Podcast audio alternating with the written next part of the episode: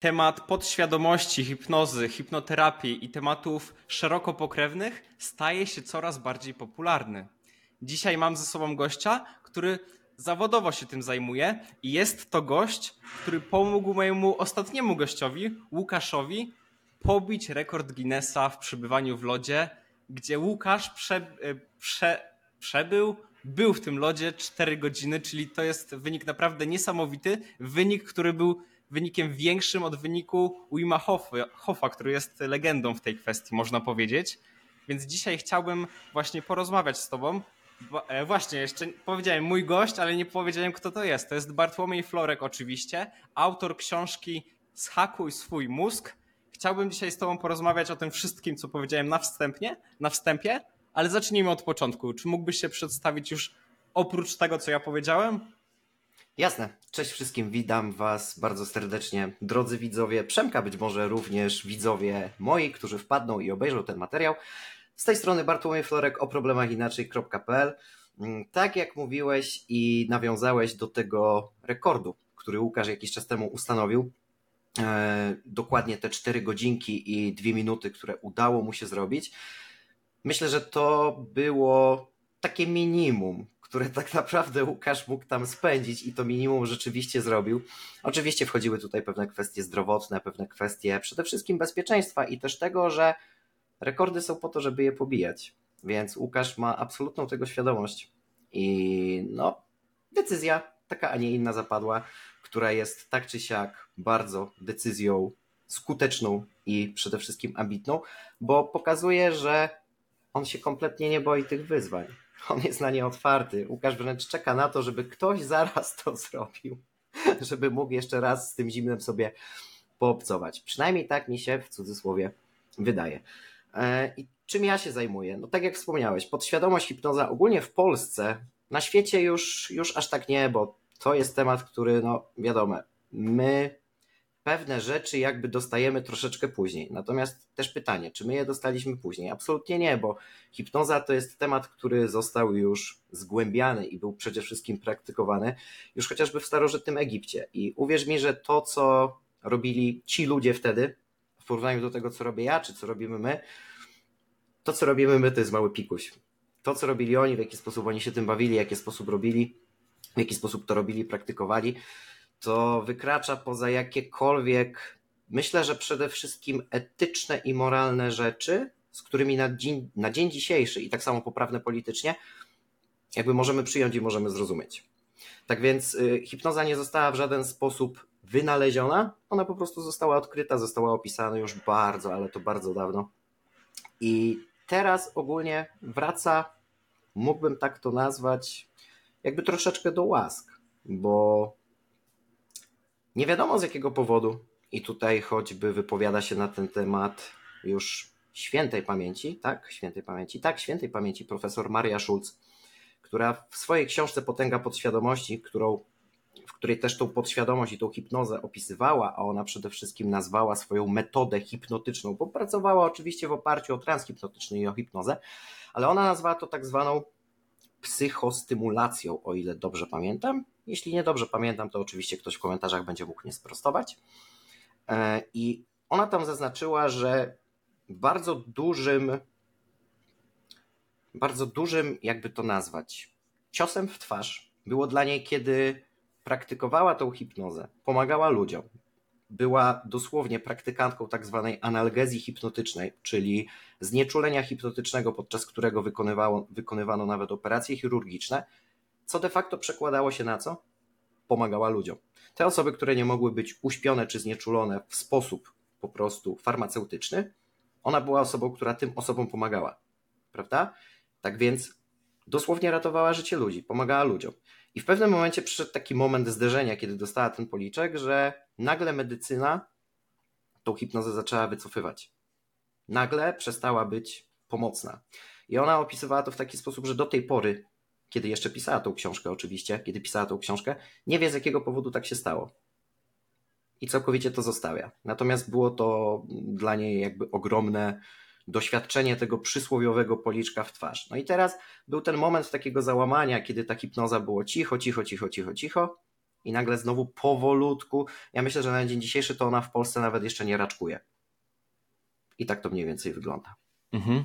Hipnoza myślę, że ma w takim ogólnym, społecznym wymiarze bardzo złe skojarzenia. Kojarzy się z jakimś oszustwem, Tak. z jakimś udawaniem i tak dalej. Mam nadzieję, że nasza rozmowa zmieni to w jakimś stopniu, ale bardzo zaciekawił mnie ten e, temat Egiptu. Czy mógłbyś coś więcej powiedzieć, co oni tam dokładnie takiego robili, co nawet w porównaniu do tego, co ty teraz robisz, jest, jest czymś dużo większym? Wiesz co, no to tutaj nawiązanie chociażby do tych y, operacji, które oczywiście wtedy też trzeba było człowiekowi jakkolwiek pomagać. Wtedy też trzeba było wprowadzać go w pewne stany i radzić sobie z pewnymi rzeczami, którymi na poziomie świadomym my nie jesteśmy w stanie sobie poradzić. I to jest, w hipnozie ogólnie jest tak, że gdybym ja ci teraz powiedział, że wyobraź sobie, że y, dotykam cię na przykład długopisem twojego ramienia i ono cię parzy. To masz takie, no stary, o czym ty do mnie rozmawiasz? No nie? Możesz sobie wziąć długopis, przyłożyć, no nie, nie oparzył mnie. Wyobraź sobie, że fenomeny transu hipnotycznego i ogólnie fenomeny pracy z podświadomością e, i to jest ogólnie opisane w nomenklaturze i są badania, które pokazują i doświadczenia, przede wszystkim zapiski medyczne, które na przykład uwzględniają to, nie pamiętam, to był jakiś szwedzki, szwedzki albo duński doktor, nie pamiętam już dokładnie, który właśnie ten e, eksperyment na swoim pacjencie przeprowadził. Czyli dał mu sugestię, że w momencie, w którym dotknę ciebie tym długopisem, ten długopis cię oparzy. No i nagle pojawił się bąbel na e, jego przedramieniu, czy tam na jego ramieniu. No i tak jak mówię, no świadomie, kiedy ja daję ci na przykład taką sugestię, kiedy daję komuś taką sugestię, to nie ma racji bytu. A podczas procesu właśnie pracy z podświadomością, czyli obniżeniu częstotliwości fal mózgowych, bo hipnoza, my się tej hipnozy boimy, a zauważmy jedną rzecz. Hipnoza to jest nic innego jak obniżenie częstotliwości fal mózgowych. Tak jak my teraz sobie rozmawiamy, rozmawiamy sobie w falach mózgowych beta, czyli rozmawiamy całkowicie świadomie. Wiemy, co się dzieje, jesteśmy analityczni, jesteśmy w cudzysłowie logiczni. Dlaczego w cudzysłowie logiczni? No bo mówi się, że ludzie są logiczni, a mimo tego dalej palą papierosy, piją alkohol, jeżdżą na McDonalda i no trochę ta logika tutaj nie gra, ale mniejsza z tym. Natomiast jakby kwestia tego czynnika krytycznego, czyli obniżenia świadomego, mm, obniżenia czynnika krytycznego świadomej części umysłu polega na tym, że sugestie zaczynają być przyjmowane. Czyli nawet jeśli ja świadomie sobie teraz mówię, no jak, dotykam je długopisem i on mnie, i, i on mnie w tym momencie parzy, świadomie wiesz, że jest to niemożliwe. Natomiast kiedy ten czynnik krytyczny świadomego umysłu zostanie zawieszony i podświadomość otworzy się na sugestie, to jest w stanie na przykład taką sugestię przyjąć. Oczywiście zależy to tylko i wyłącznie ode mnie, jako odbiorcy, czy ja sobie na to pozwolę, czy sobie na to nie pozwolę. Hipnoza nie ma żadnej magicznej mocy. To jest wszystko to, na co ja sobie chcę pozwolić. I stanie się dosłownie wszystko to, na co sobie pozwolę. To, na co sobie nie pozwolę, nie będzie miało miejsca. I tak jest z każdą terapią, tak jest z każdą rzeczą. Bo zauważ, że wszystko zaczyna się od intencji w naszym życiu. Jeśli ja idę z intencją do psychologa, hipnoterapeuty, psychoterapeuty, kogokolwiek, coacha, nie wiem, trenera, że no okej, okay, fajnie będzie, jak mi pomożesz, ale w sumie tak naprawdę jestem tutaj tylko i wyłącznie dlatego, że e, mój stary czy moja stara mnie wysłał, to my nie mamy o czym rozmawiać. Nikt ci nie pomoże. Ale jeśli ty idziesz z intencją i z nastawieniem, że ja tego chcę, ja tego potrzebuję, jestem na to otwarty, to tutaj już mamy pole do popisu. Tak więc wszystko zaczyna się od tej intencji, prawda? Mhm. Ja czuję, że to się też trochę łączy z samym placebo. Tak niedawno rozmawiałem z jednym z gości i on mówił, że przed każdym posiłkiem on sobie wmawia, że ten posiłek odżywi jego ciało i da mu zdrowie. I tak już to jest myślę, że pewnego, peł, pewnej formy autohipnoza. O tym mhm. na pewno pomówimy dalej. A teraz chciałbym się trochę cofnąć, bo zaczęliśmy z bardzo wysokiego progu. Zacząłeś tu mówić o jakichś długopisach, które parzą. Dla wielu mogę ludzi... Jeszcze, mogę jeszcze na sekundkę? A czym tak, jest ogólnie jasne. placebo? Czym jest placebo? Jakbyś miał zdefiniować teraz według tego, co ty myślisz, nie według jakiejś tam definicji, czegokolwiek. Czym Mhm. jest dla ciebie placebo? Placebo jest realnym, pozytywnym wpływem, który występuje z tego powodu, że w coś wierzymy i Właśnie. gdybyśmy w to nie wierzyli, to by nie, to, to nie działało. Zauważ, że ponad 30%, tam było chyba około nawet 35%, ale tylko tych dopuszczonych i zdiagnozowanych przypadków medycznych, powtarzam, medycznych, i mówię o tym, jeśli ja jestem mało wiarygodną osobą, to możecie sobie sprawdzić y, doktora Bruce'a Liptona, e, czy na przykład mm, doktora Joe Dispenza, e, którzy są neurobiologami, no i ogólnie zajmu, zajmują się w cudzysłowie hakowaniem mózgu, etc. E, Bruce Lipton, dr Bruce Lipton podaje w, swoim, w swoich materiałach, że ponad 30% tych zdiagnozowanych przypadków medycznych, w których udało się uzyskać dany efekt poprawiający zdrowie czy komfort fizyczny czy psychiczny klienta, jest opartych o placebo. I to tylko tych zdiagnozowanych.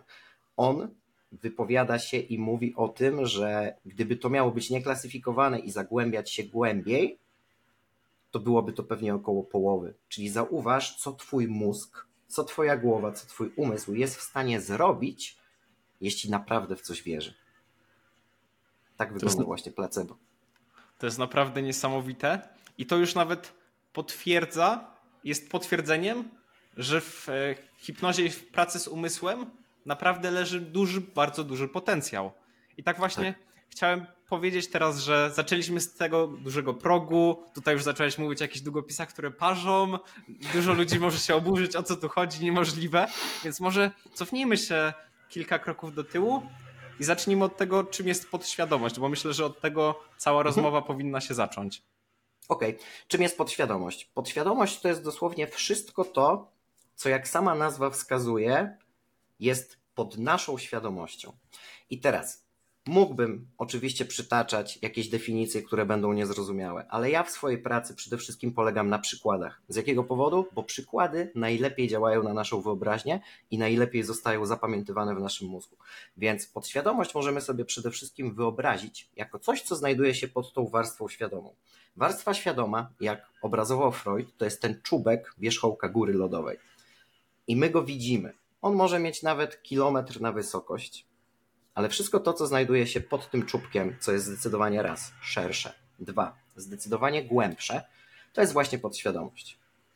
I mówi się, oczywiście nie ma ku temu, chociaż z jednej strony są, z drugiej strony nie ma, bo współczesna medycyna i ogólnie no, badania, wiemy też jak są robione.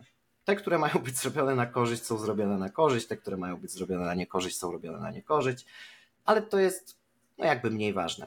Mówi się o tym, że 95% w ciągu naszego życia żyjemy podświadomie.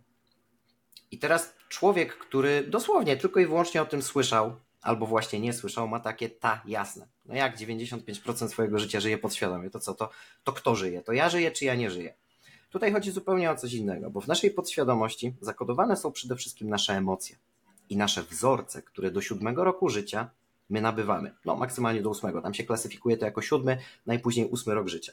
Dziecko do siódmego, maksymalnie ósmego roku życia, ono ma tylko i wyłącznie podświadomość. To znaczy, że ma ten dysk twardy i te programy, które w nim są zakodowane. Ono ich nie rozumie, one działają z automatu. Zauważmy jedną rzecz. Dzieci, ja byłem tego ostatnio właśnie świadkiem u mojego kumpla, którego roczna córeczka to jest właśnie to działanie, działanie wzorca. On, jako jej tata, wziął łyżkę i tak dosłownie z dupy zaczął nią pukać o stół. Co zrobiło roczne dziecko? Wzięło łyżeczkę, zaczęło pukać tą łyżeczką o stół, bo przecież tak zrobił tata. Ono ma roczek, ale ono wie, że to jest tata, że to jest wzorzec i że ten wzorzec będzie praktykowany. I tak samo jest ze wszystkimi zachowaniami. Te dzieci do 7-8 roku życia, a przede wszystkim te niemowlęta, nawet które już mają 2-3 miesiące, one logicznie nie rozumieją tego, co się dzieje dookoła ale biorą wszystko, co zauważą u swoich rodziców. Tak więc, jeśli będziesz mówił swojemu dziecku, że jest, mówiąc kolokwialnie, zajebiste, ono w to uwierzy. Jeśli będziesz mówił swojemu dziecku, że jest do dupy i do niczego się nie nadaje, niestety również w to uwierzy. I później te wzorce oddziałują na naszą świadomość. Ja świadomie coś chcę, ale podświadomość mówi sobie: Nie, nie, kolego czy koleżanko, sekunda, sekunda, nie takie hop bo to jest dla ciebie niebezpieczne. I teraz nasze myśli. Te same, zauważmy jedną rzecz. 90% myśli w ciągu dnia się powtarza. Nasze myśli krążą cały czas wokół jednego. I smutna informacja: 70% z nich jest negatywna. Te same myśli prowadzą do tych samych wyborów. Te same wybory prowadzą do tych samych zachowań. Te same zachowania prowadzą do tych samych doświadczeń, te same doświadczenia prowadzą do tych samych emocji, odczuć i uczuć, a z kolei te same powtarzające się emocje, uczucia i odczucia prowadzą do czego? Do powtarzających się myśli. Koło się zamyka. I to wszystko, o czym ja teraz powiedziałem, jest właśnie zlokalizowane w naszej podświadomości. Czyli de facto to, co jest pod, wpływa na to, co jest nad. Nie to, co jest nad, wpływa na to, co jest pod, tylko stety albo niestety. Stety wtedy, kiedy my to wiemy i kiedy potrafimy z tego skorzystać i kiedy to rozumiemy, wpływa to na to, co jest nad. Niestety wtedy, kiedy my się tłumaczymy i mówimy, no, podświadomie tak się zachowałem. Nie wiem z jakiego powodu ja to musiałem zrobić nieświadomie albo podświadomie. To jest bardzo częste tłumaczenie pewnych zachowań, których my de facto nie rozumiemy, bo nikt nam ich nie wytłumaczył. Tego się niestety w szkole nie tłumaczy. No, pozostawiam bez komentarza. I teraz kłania się kolejne stwierdzenie. E, nie pamiętam, kto to powiedział, ale mm, może zaraz sobie przypomnę. To stwierdzenie brzmiało, że dopóki nie uczynisz nieświadomego świadomym, będzie ono kontrolowało Twoje życie, a Ty nazwiesz to przeznaczeniem. Ej, Karl Gustav. Jung, dokładnie, Jung, właśnie. Jung. To powiedział tak, to powiedział właśnie Jung. I to jest stety albo niestety prawda. Tak jak już powiedziałem, stety wtedy, kiedy potrafimy to zrozumieć, kiedy potrafimy z tego skorzystać i to wykorzystać. Niestety wtedy, kiedy właśnie podchodzimy do tego na zasadzie, no tak musi być i rozkładamy ręce. Tak więc wszystko to, co jest pod świadomością, dosłownie jest tą warstwą, która znajduje się pod tą świadomością. Świadomość jest analityczna, logiczna, potrafi rozwiązać jakieś łamigłówki, równania matematyczne, a podświadomość to są emocje, to są wzorce, to są zakodowane zachowania, reakcje, uczucia, odczucia, emocje i wszystko to, co za tym idzie. Mhm. Dużo wątków poruszyłeś. Ja zanotowałem dużo wątków do, do pytania cię. Na pewno będę chciał cię dopytać, czy jednak da się to zmienić tak, żeby ta, y, ta świadomość jednak w jakimś stopniu kształtowała tą podświadomość. Myślę, że tu Mhm. właśnie wchodzi hipnoterapia i to poruszymy. Chcesz też y, poruszyć temat tego, jak sprawić, żeby to nieświadome stało się świadomym, ale zanim to, to znowu cofnę się do początku. I tak mówiłeś o definiowaniu samego siebie w dzieciństwie, w pierwszych siedmiu latach życia. A te Mhm. pierwsze siedem lat życia można powiedzieć, że jest nam dane i tego nie wybieramy. To znaczy, rodzimy się w jakiejś e, rodzinie, której kompletnie nie wybieramy, w warunkach, których nie wybieramy, w czasie i mógłbym tak wymieniać, e, w czym się rodzimy i czego nie wybieramy. Czy z tego wynika, że tak w zasadzie nasza podświadomość jest efektem przypadku? Efektem przypadku takiego, że ty nie masz na to wpływu, ale masz wpływ na to, co z tym zrobisz później. I to jest właśnie to. Ja często mówię, używam takiego stwierdzenia, że przestań wreszcie obwiniać innych za swoje życie. Co de facto można delikatnie połączyć analogicznie z tym, że każdy jest kowalem swojego losu. No i teraz pojawia się znak zapytania. No dobra, to jak powiesz, że każdy jest kowalem swojego losu, na przykład dzieciakowi, która, który ma 14 lat i doświadcza śmierci ojca, który się dosłownie zapił. I to wszystko w nim zostaje. No powiem mu. Z jakiego powodu? Bo de facto nie miałeś wpływu na to, co spotkałeś i co zobaczyłeś, ale masz realny wpływ na to, co z tym zrobisz. I to już zależy tylko i wyłącznie od ciebie, jako od jednostki. Oczywiście jest to obosieczne ostrze. Najlepszym przykładem tego jest Schwarzenegger. To, co zbudowało Arnolda jako Arnolda, zabiło jednocześnie jego starszego brata. Jego starszy brat sobie z tym nie poradził, a to samo zbudowało Arnolda i wyciągnął z tego wartość. Oczywiście jest coś takiego jak pojedyncza siła jednostki, siła przebicia, ten w cudzysłowie charakter. Natomiast też pamię- pamiętajmy o tym, że jaki charakter, taki zachowania to nie jest coś, co my mamy od samego początku, bo dziecko nie rodzi się ani złe, ani dobre, tylko to jest kształtowane. I nasz charakter i nasze zachowanie przez funkcję mózgu, którą posiada, czyli neuroplastyczności, jesteśmy w stanie też go kształtować. I dosłownie ja jestem zdania, to jest moje zdanie, że charakter można wytrenować. Tak jak i wszystko można wytrenować. To jest kwestia już w tym momencie wyboru. I teraz, oczywiście, jest to w pewien sposób przypadek. Trafiliśmy na, w cudzysłowie, trafiliśmy, no to też trafiliśmy w cudzysłowie. Rodzimy się w e, rodzinie bogatszej. Okej, rodzimy się w rodzinie bogatszej. Czy to oznacza, że my musimy być bogaci? No mamy zdecydowanie większe szanse, że te wzorce biznesu, wzorce bycia przedsiębiorczym zostaną w nas zaprogramowane, dosłownie zaprogramowane. Ale czy to oznacza, że ten, który urodził się w rodzinie biednej, nie ma szansy na to, żeby być e, bogatym i przedsiębiorczym? Oczywiście, że ma, ale będzie mu zdecydowanie ciężej. Nie oszukujmy się, bo tych pewnych wzorców przedsiębiorczości, konsekwencji, dyscypliny, stanowczości, etc., etc., może być po prostu mniej. Ale to nie oznacza, że ten ktoś jest przekreślony. Nie. To, że rodzisz się w rodzinie, w której matka i ojciec jest alkoholikiem, oczywiście w dużym stopniu ty też możesz być alkoholikiem. Ale znam rodziny, w którym na przykład jest matka, matka alkoholik, ojciec alkoholik, mają na przykład trójkę dzieci. Dwójka z nich kończy dokładnie tak samo jak oni, a jeden na przykład zostaje lekarzem. Da się? Oczywiście, że się da. Kwestia tego, co my z tym później zrobimy, bo oczywiście, tak jak już wspominałem, nie mam wpływu na to, co mnie wtedy spotkało jako dziecko, bo nie byłem odpowiedzialny za swoje życie, tylko za moje życie byli odpowiedzialni moi rodzice, czy też osoby, czyli opiekuni, którzy mnie wychowywali, ale już później tylko ja i tylko ja mam wpływ na to, co z tym zrobię. Nikt inny. Hmm. Przejęcie kontroli w ten sposób wymaga bardzo dużo świadomości wymaga. tego wszystkiego, jak działa nasza podświadomość i tak dalej. I tu znowu mam wrażenie, że poniekąd wchodzi przypadek, czy ktoś trafi na taką osobę jak ty, czy trafi na przykład na ten podcast, czy trafi na inne źródło wiedzy, które o tym mówi. I to też w dużym stopniu e, stanowi przypadek, więc to jest bardzo w ogóle ciekawa kwestia. Albo tak samo jak mówiłeś o tych alkoholikach, dzieciach alkoholików, to mhm. znowu możesz być w jednych warunkach i iść w tym kierunku, a możesz przez to zdecydować, żeby nigdy nie iść w tym kierunku. I tu znowu jest tyle zmiennych, że naprawdę. Dokładnie. Nie da Dokładnie się tego tak. I zależy, to, I zależy to też właśnie w, no, w tym, w tej jakby sile tej jednostki. No bo tak jak mówię, no to co może zbudować jednego, zabije drugiego. I stety albo niestety tak jest. Ale dosłownie uwierzcie mi, a nawet jeśli nie chcecie mi wierzyć, to po prostu sobie na to pozwólcie, że kiedy naprawdę przestaniesz obwiniać kogoś za swoje życie i weźmiesz po prostu swoje życie w ręce, to naprawdę dzieją się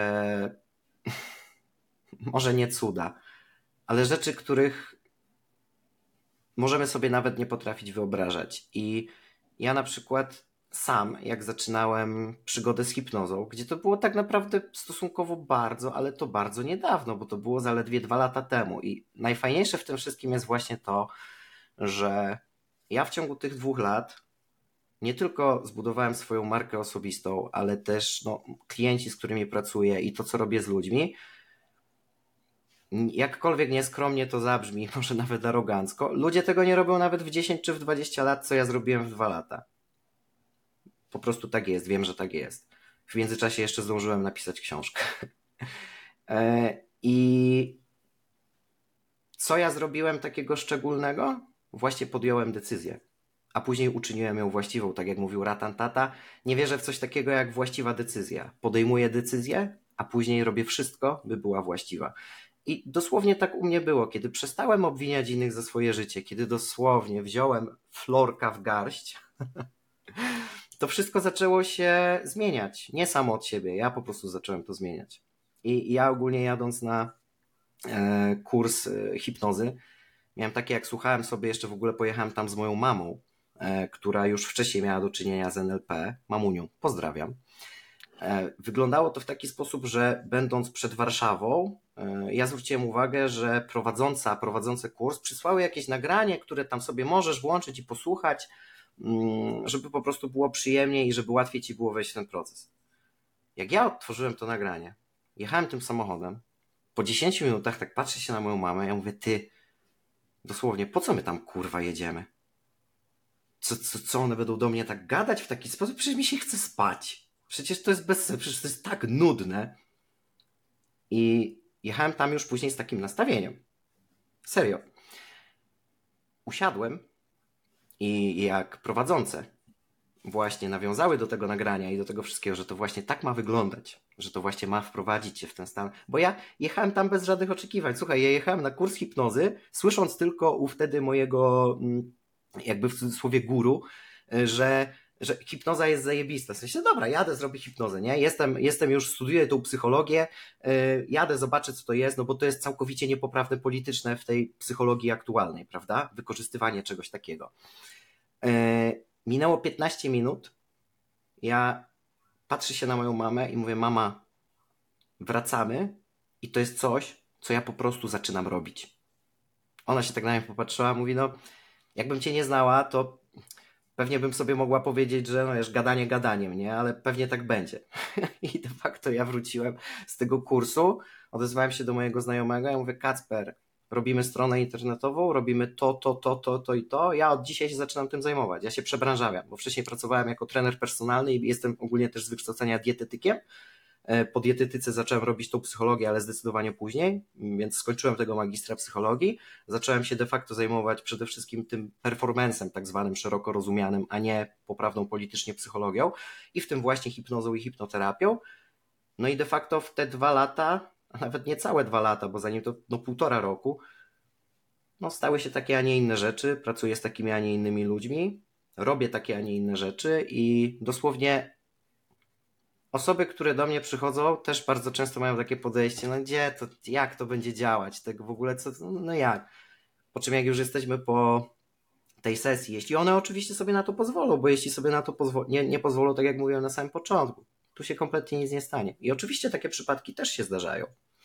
E, ale kiedy już sobie osoba na to pozwoli, to nagle jest, wiesz, 3, 2, 1, wracasz do tu i teraz jest ty, Bartek, co to kurwa było? Dosłownie. Także no, no, takie fenomeny jesteśmy w stanie robić i, i, i naprawdę przechodzić te stany bardzo mocno emocjonalnie. Bo kiedy my się dosłownie wejdziemy w tą podświadomość, otworzymy ją na sugestie i uzyskamy obniżenie tych częstotliwości fal mózgowych, to emocje, które wtedy odczuwamy podczas tego transu, potrafią być spotęgowane 10, 50 czy nawet stukrotnie. Dlatego na przykład jednym z przeciwwskazań do hipnozy jest na przykład borderline albo y, mocno zaawansowana depresja. Z jakiego powodu? Bo te osoby świadomie nie potrafią sobie często radzić ze swoimi emocjami. Więc tym bardziej, co się wtedy stanie, kiedy doświadczą tych emocji wzmożonych podczas hipnozy. I tutaj ja oczywiście nie będę ukrywał, pracuję jak i z osobami, które z borderline'em nie pracowałem i nie chcę, ale z depresjami już pracowałem bezpośrednio podczas transu hipnotycznego, do tej pory wszystko było pod kontrolą, wszystko było ok. Oczywiście nie, po, nie, nie posyłam takiej osoby, która już na przykład ma depresję, nie idę od razu w tak zwaną regresję hipnotyczną, która tym bardziej buduje mocne, mocne, mocne emocje, potrafi je wyzwolić, tylko badam sobie na początku teren, czy rzeczywiście ta osoba jest gotowa i czy ona z tego coś wyniesie i czy przypadkiem to jej jeszcze bardziej w cudzysłowie nie rozwali. Jeśli uznaje, że może to tylko i wyłącznie pogorszyć jej stan, zostaje na tym, co jest bezpieczne, jest tu i teraz i tak czy siak działa i pomaga. Mhm. Tutaj właśnie wchodzi doświadczenie i praca z kimś, kto jednak ma to Przemek, doświadczenie. Przemek, bo ja mam tak, że ja mam y, słowotok i ja wiem, że ja mogę nawet schodzić z tematów. Jak mnie trzeba będzie stopować i naprowadzać, to śmiało to rób, dobra? Jasne, jasne. Ja tu w trakcie, jak mówisz, e, zapisuję sobie wątki, o które na pewno chcecie dopytać, także e, wszystko gra. Właśnie dwa lata temu podjąłeś decyzję, że przejmujesz ten ster nad swoim życiem i zaczynasz działać ale mam też wrażenie, że dużo mhm. ludzi podejmuje podobną decyzję, ale jednocześnie e, ta grupa nie ma takiej wiedzy o podświadomości, o pracy z nią, o tych wszystkich przekonaniach, które w sobie mają i po prostu podejmują decyzje na, po, na poziomie świadomym, ale potem zderzają się z jakimś murem. Czy to jest częste? Mhm. Oczywiście, że tak. I ja z takim murem też się zderzyłem. I mnie nic nie odróżnia od tych osób, które robią, to robią, podejmują decyzje i na ten mur się, e, no po prostu ten mur zostaje postawiony i najczęściej tak naprawdę to stawiamy my sami, nie ktoś, tylko my sami stawiamy ten mur. Jedyne czym się różnię to tym, że biorę wtedy młotek i go rozwalam. Po prostu. To jest tak samo jak yy, wyobraź sobie hipotetyczną sytuację. Masz gościa, który jest biologiem, fizjologiem, zajmuje się mechaniką ruchu i uczy dodatkowo wspinaczki po górach. I wyobraź sobie, że ten gość staje przed górą i nagle zaczyna kalkulować, ok, tamten kamień jest postawiony tak, tutaj mam e, delikatnie bardziej płasko, ok, tutaj mam pochylenie, tu mam to, tu mam tamto. Nagle patrzy w bok, a Janusz, który nie ma kompletnie żadnej świadomości, jest już w połowie tej góry. A on dalej stoi i się zastanawia. Wniosek? Czego byś nie wiedział? Jakiej świadomości byś nie miał? Czego w swojej głowie byś nie miał? Ile inteligencji, ile mądrości? Jest jedna rzecz, którą i tak musisz zrobić. Postawić pierwszy krok. Zawsze nieodłącznie. Możesz mieć, możesz być fighterem, możesz mieć największego przekota od stójki w swoim narożniku, najlepszego przekota, jeśli chodzi o fizjologię, jeśli chodzi o psychologię, jeśli chodzi o mental, fizjoterapeutę, etc., etc., etc. Oni mogą ci dać wszystkie najlepsze narzędzia, które posiadają, ale de facto to ty wchodzisz do klatki i to ty musisz wykonać ten pierwszy cios i nikt kurwa za ciebie tego nie zrobi. Tak samo jest tutaj jak już podejmiesz tą decyzję, to i tak ten pierwszy krok musisz postawić. Ja do ciebie mogę wyciągnąć rękę, mogę ci dać narzędzia, mogę ci dać wiedzę, mogę ci dać wszystko, ale pierwszy krok należy i tak do ciebie. Mhm. Trzeba działać. Nie, nie należy przewidywać tych murów, tylko jak już się na nie natrafi, to coś z nimi zrobić. A powiedz mi Tak. proszę, w jaki sposób rozwalasz te mury? Skoro nadal słuchasz tej rozmowy, to domyślam się, że jest ona dla ciebie wartościowa. Niestety muszę ci ją przerwać, a to dlatego, że od teraz całe rozmowy będą dostępne tylko i wyłącznie na YouTubie. Za wszelkie niedogodności bardzo cię przepraszam, ale zależy mi na ciągłym rozwoju tego podcastu i aby miało to miejsce, muszę polegać na monetyzacji, której na Spotify'u nie ma. Mam nadzieję, że nie masz mi tego za złe i rozumiesz moją perspektywę. Co więcej, YouTube pozwala mi na lepszą interakcję z odbiorcami, a to w sposób bezpośredni przekłada się na lepszą jakość kolejnych materiałów. Rzecz jasna, wszystkie rozmowy w całości nadal są w 100% darmowe. W tej kwestii nie zmienia i nie zmieni się nic. Dziękuję i do zobaczenia na YouTubie. Aby znaleźć mój kanał na YouTubie, wystarczy, że wpiszesz Przemek Wójcicki Podcast. Niewątpliwie ukaże się on na początku.